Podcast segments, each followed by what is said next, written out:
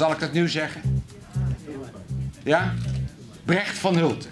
Het is mij een genoegen u te mogen bekendmaken dat de Philip Bloemendaal prijs voor het jaar 2004 is gewonnen door Lucella Carasso. De winnaar Wouter Zwart.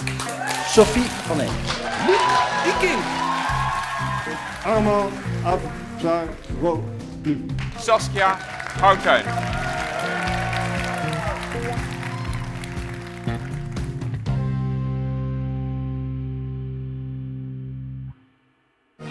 Nog altijd horen we hem af en toe als er een polygoonfilm wordt herhaald. Ruim 40 jaar sprak hij die in en zo werd hij onomstreden de stem van naoorlogs Nederland. Philip Bloemendal. Mijn naam is Bloemendal. Ik redigeer dit journaal met de hulp van een aantal cameramensen... die er elke dag op uit blijven trekken... om het nieuws te vinden waarmee wij film willen maken. De laatste kolenmijn van DSM, de vroegere staatsmijnen... die aan het einde van het afgelopen jaar zijn productie heeft gestaakt. Vanuit Delden hè, bestrijk je opeens de hele wereld, lijkt het wel. Of Ja. de hele wereld vindt Delden nu, dat is het misschien meer. Ja, dat is het eigenlijk, ja. En Dat is het leuke ervan ook. Het is, eh, we maken hier eh, regionale radio. En als je de hele wereld wil pakken eigenlijk... of in ieder geval heel Nederland... dan, eh, dan kun je dat met podcasten makkelijk doen. Dat is leuk.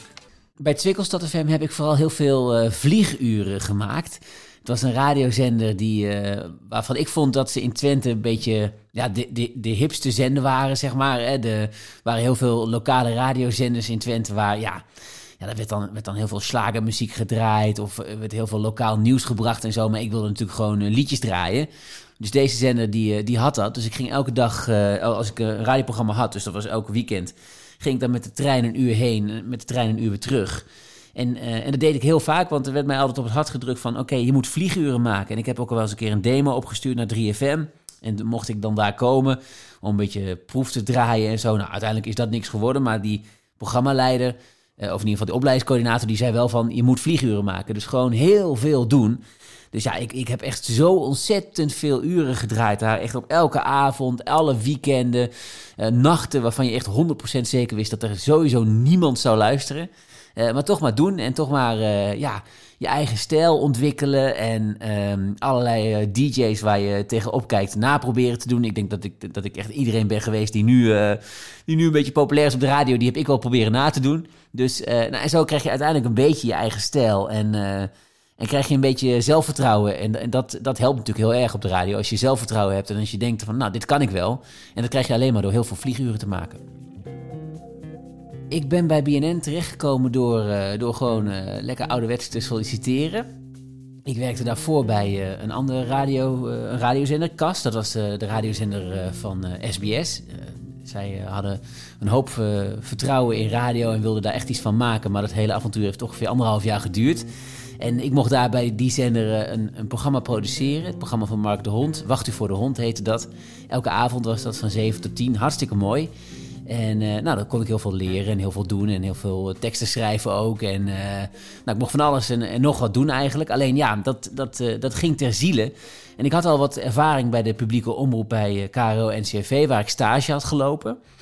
En ehm, dus ik, ik had daar al wat, wat contacten en ik werd gevraagd om te solliciteren, weet ik nog, bij een programma Weg met BNN. En dan niet de tv-editie, maar de radiovariant daarvan. Dat werd gepresenteerd door Sanne de Heer. En eh nou, dat was een reisprogramma elke maandagavond, eh, niet, tussen 8 en 9 geloof ik.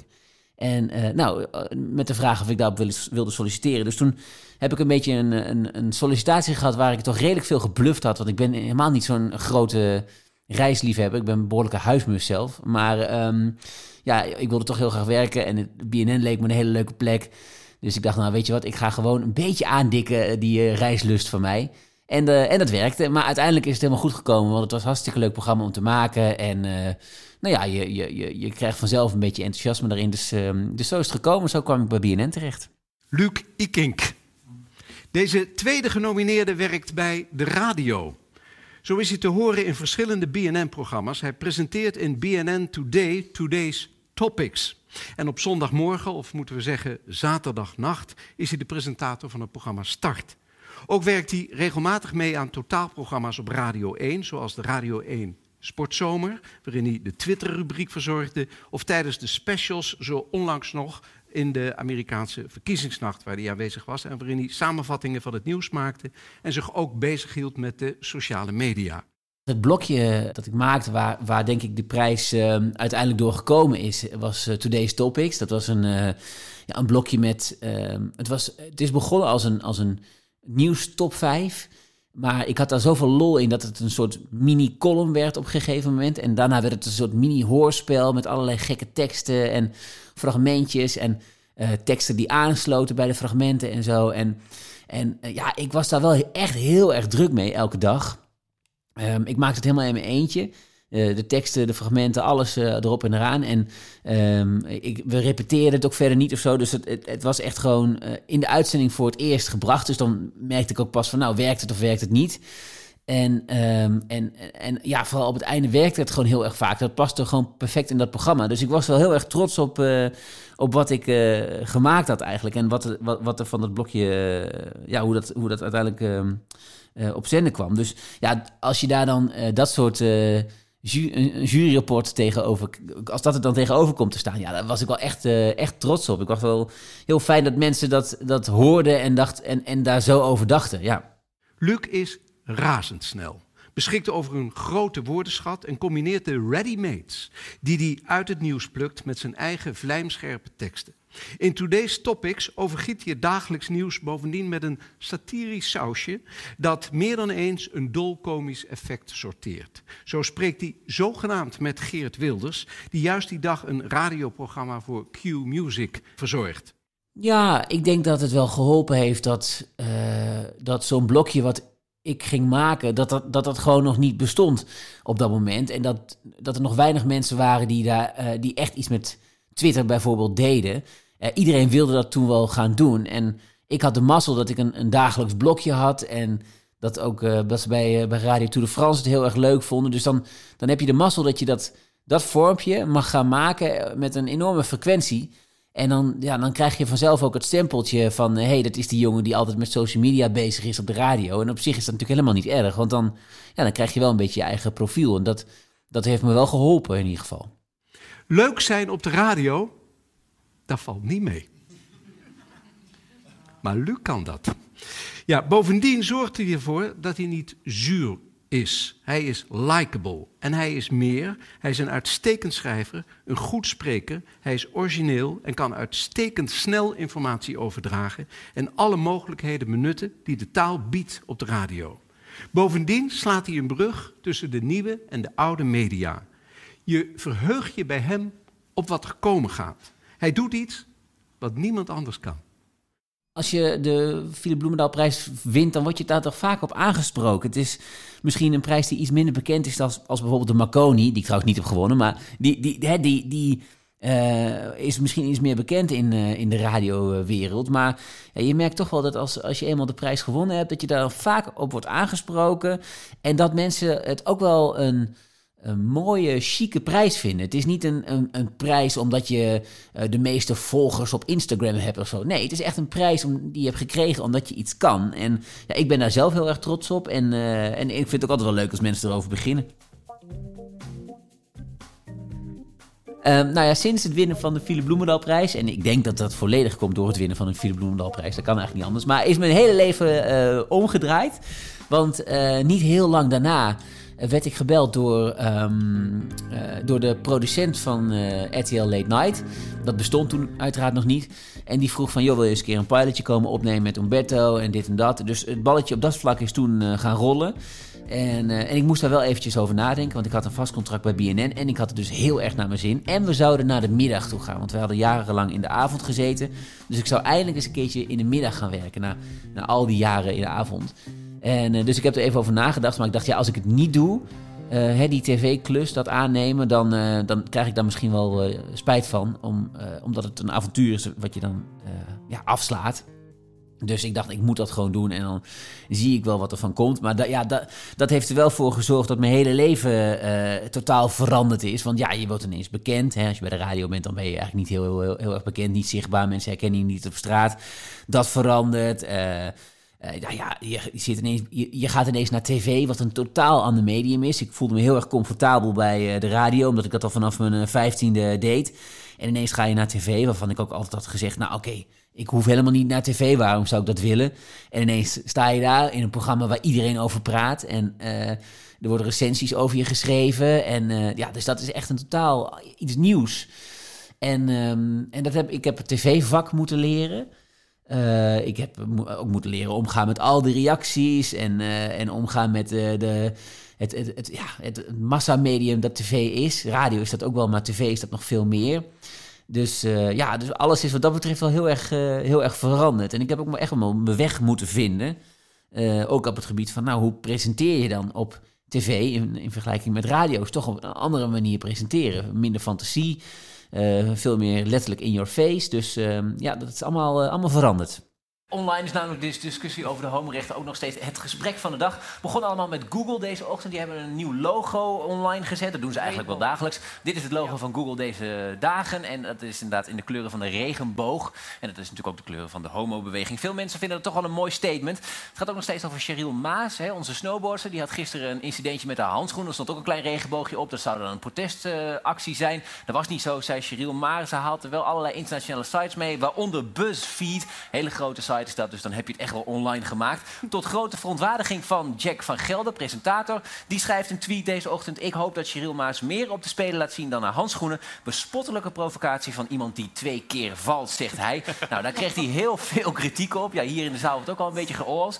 Um, uh, mensen vonden zijn tweet dan weer bespottelijk en wezen hem erop dat als er iemand is die aan het provoceren is, dan is het Jack zelf wel in dit jasje. De vraag welke ambities ik heb, uh, die, die komt wel vaker uh, voorbij. Maar uh, ja, eigenlijk is dat best wel een, een saaie ambitie, denk ik. Ik wil RTL Boulevard namelijk gewoon nog heel erg lang doen. Maar, maar niet nog één of twee jaar, maar echt nog wel nou, minimaal vijf jaar bijvoorbeeld. Want ik vind dat een programma als dit, dat, dat, moet, je een lange, dat, moet, dat moet je lang doen. omdat pas na een paar jaar gaat dat echt in je systeem zitten, zo'n programma. Uh, je krijgt dan ook de kennis, je krijgt de, de dingen uh, van, oh ja, nee, dat, hebben, dat hebben we vorig jaar al een keer op die manier gedaan. Hè? Dat soort kennis uh, heb je dan ook. En daarnaast voel je je pas echt op je plek als je er een lange tijd hebt gestaan. En dan komt het weer een beetje terug op die vlieguren maken die ik bij de lokale radio deed. Ja, dat heb ik nu eigenlijk bij RTL Boulevard ook. Ik heb zoveel vlieguren moeten maken voordat ik me daar echt wel weer lekker voelde op mijn plek. Ik had het altijd wel heel erg naar mijn zin. alleen ja, je, je gaat pas echt het echt goed onder de knie krijgen als je heel veel uren maakt. En nou, die, die uren die heb, ik nu, uh, heb ik nu inmiddels gemaakt, maar er kunnen nog veel meer uren bij, want uh, ja, ik heb het daar heel erg naar mijn zin. En, en, ja, nu, nu, dit is een moment om, om zeg maar meters te gaan maken eigenlijk. De vlieguren zijn er en nu moeten de meters worden gemaakt. Dit is inderdaad de Luc Ikking, zeg maar keer 10, met alle respect nou, van Amerika. Uh, deze man staat hier inderdaad al dagen bij die Magic Wall. Maar wat een fantastische televisie. Je kijkt gewoon naar een duffe kaart met twee kleuren. Ja, en dat wij, doen we al drie dagen. Wij dachten, Michiel, laten we ja. eens proberen in oh, uh, Nederland. Want uh, Marieke en ik zijn allebei uh, schermbewoners geweest. Ik ja. sta hier nog wel steeds regelmatig. Dit is wel nieuw voor mij. Dit is dan Nederland in 2021. Hè, zou het kunnen zijn. Als we dan eens wat verder gaan kijken naar de provincie Overijssel... dan zie je meteen een hele gekke getallen hier staan. Stemmen die nooit echt kunnen natuurlijk. Hè. Getalletjes maakt verder niet zo heel veel uit. Wat je dan ook zegt. Gaan we verder kijken naar een andere regio daar in Overijssel. Bijvoorbeeld Twente. Hele mooie plekken heb je daar natuurlijk. En John King staat er ook altijd een beetje zo bij. Hè, met zijn handen zo. Zijn we in de gemeente Twente-rand, prachtige gemeente. Vrooms Hoop, daar pakt bijvoorbeeld Mark Rutte heel veel stemmen. Maar in uh, andere Sipkelo bijvoorbeeld, daar is Lodewijk Asscher weer heel erg populair. Als we nog wat verder kijken naar bijvoorbeeld, uh, ja, hier, Frieseveen. Heel mooi dorpje daar in die gemeente Twente-rand. Ook daar Mark Rutte toch niet aan de winnende hand. Kijk je nog wat verder, want dat doet John King ook. Hè. In de Vogeltjesbuurt zijn we inmiddels aanbeland. Mooie straten daar. Lodewijk Asscher is huge daar in de Vogeltjesbuurt. En als je dan nog wat verder gaat kijken, en dat is dan wel erg interessant... en dat doet John King, hè, die laat je dan die cijfers zien... dan zie je dat daar in de straat De Rijgen... Dus Jules Werner één stem oh, heeft. Nee. Zo kom je eruit. Tips voor aanstormend presentatietalent. Uh, nou ja, sowieso dus die eerste tip. Uh, heel veel vlieguren maken. En dan... Uh, uh, dat kan echt gewoon uh, op de plek waar je maar wil. Uh, bij, bij lokale radio, dat zou ik zeker aanraden. Niet alleen maar bij social media blijven hangen, maar ook op een plek waar, ja, waar andere mensen zijn. Waar andere mensen dan commentaar kunnen geven op jou kunnen. Of lokale televisie, dat kan natuurlijk ook.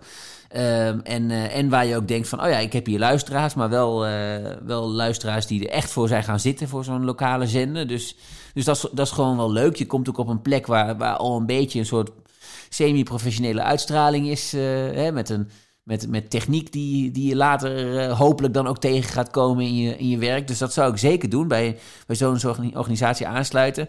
Ja, en tegenwoordig, toen ik begon, is, klinkt wel heel oud, maar toen had je natuurlijk nog niet de mogelijkheid om op op, op YouTube en zo te gaan zitten. Podcast kwam toen wel, dus dat heb ik toen ook wel gedaan. Maar dat was nog wel echt in de kinderschoenen. Maar ja, dingen als YouTube, filmpjes maken daar, podcast maken. Dat, dat zou ik nu zeker gaan doen. En ook vooral niet één ding proberen te maken, maar probeer echt zoveel mogelijk verschillende stijlen uit. Ik wilde vroeger altijd DJ worden, dus gewoon plaatjes draaien.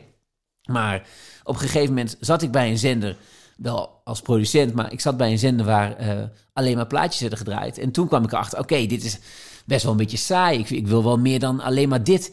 Um, dus, maar dan kom je pas achter als je, uh, als je alles probeert mee te maken. En, uh, en dat zou ik zeker aanraden. En een laatste tip is: uh, meld je aan bij, bij omroepen, bij landelijke zenders, bij, ehm, bij commerciële zenders, tv of radio, om te helpen. Om gewoon in je vakantieperiode een stage te gaan doen, onbetaald. En zorg dan, als je dan wordt aangenomen, want daar is best veel vraag naar namelijk, omdat helemaal niet heel veel mensen dat doen als je dat dan uh, doet, zorg ervoor dat je uh, de eerste, als eerste binnen bent en als laatste weggaat. Zorg ervoor dat je echt gewoon, gewoon continu in beeld bent. Dat, ze echt, dat niemand om je heen kan.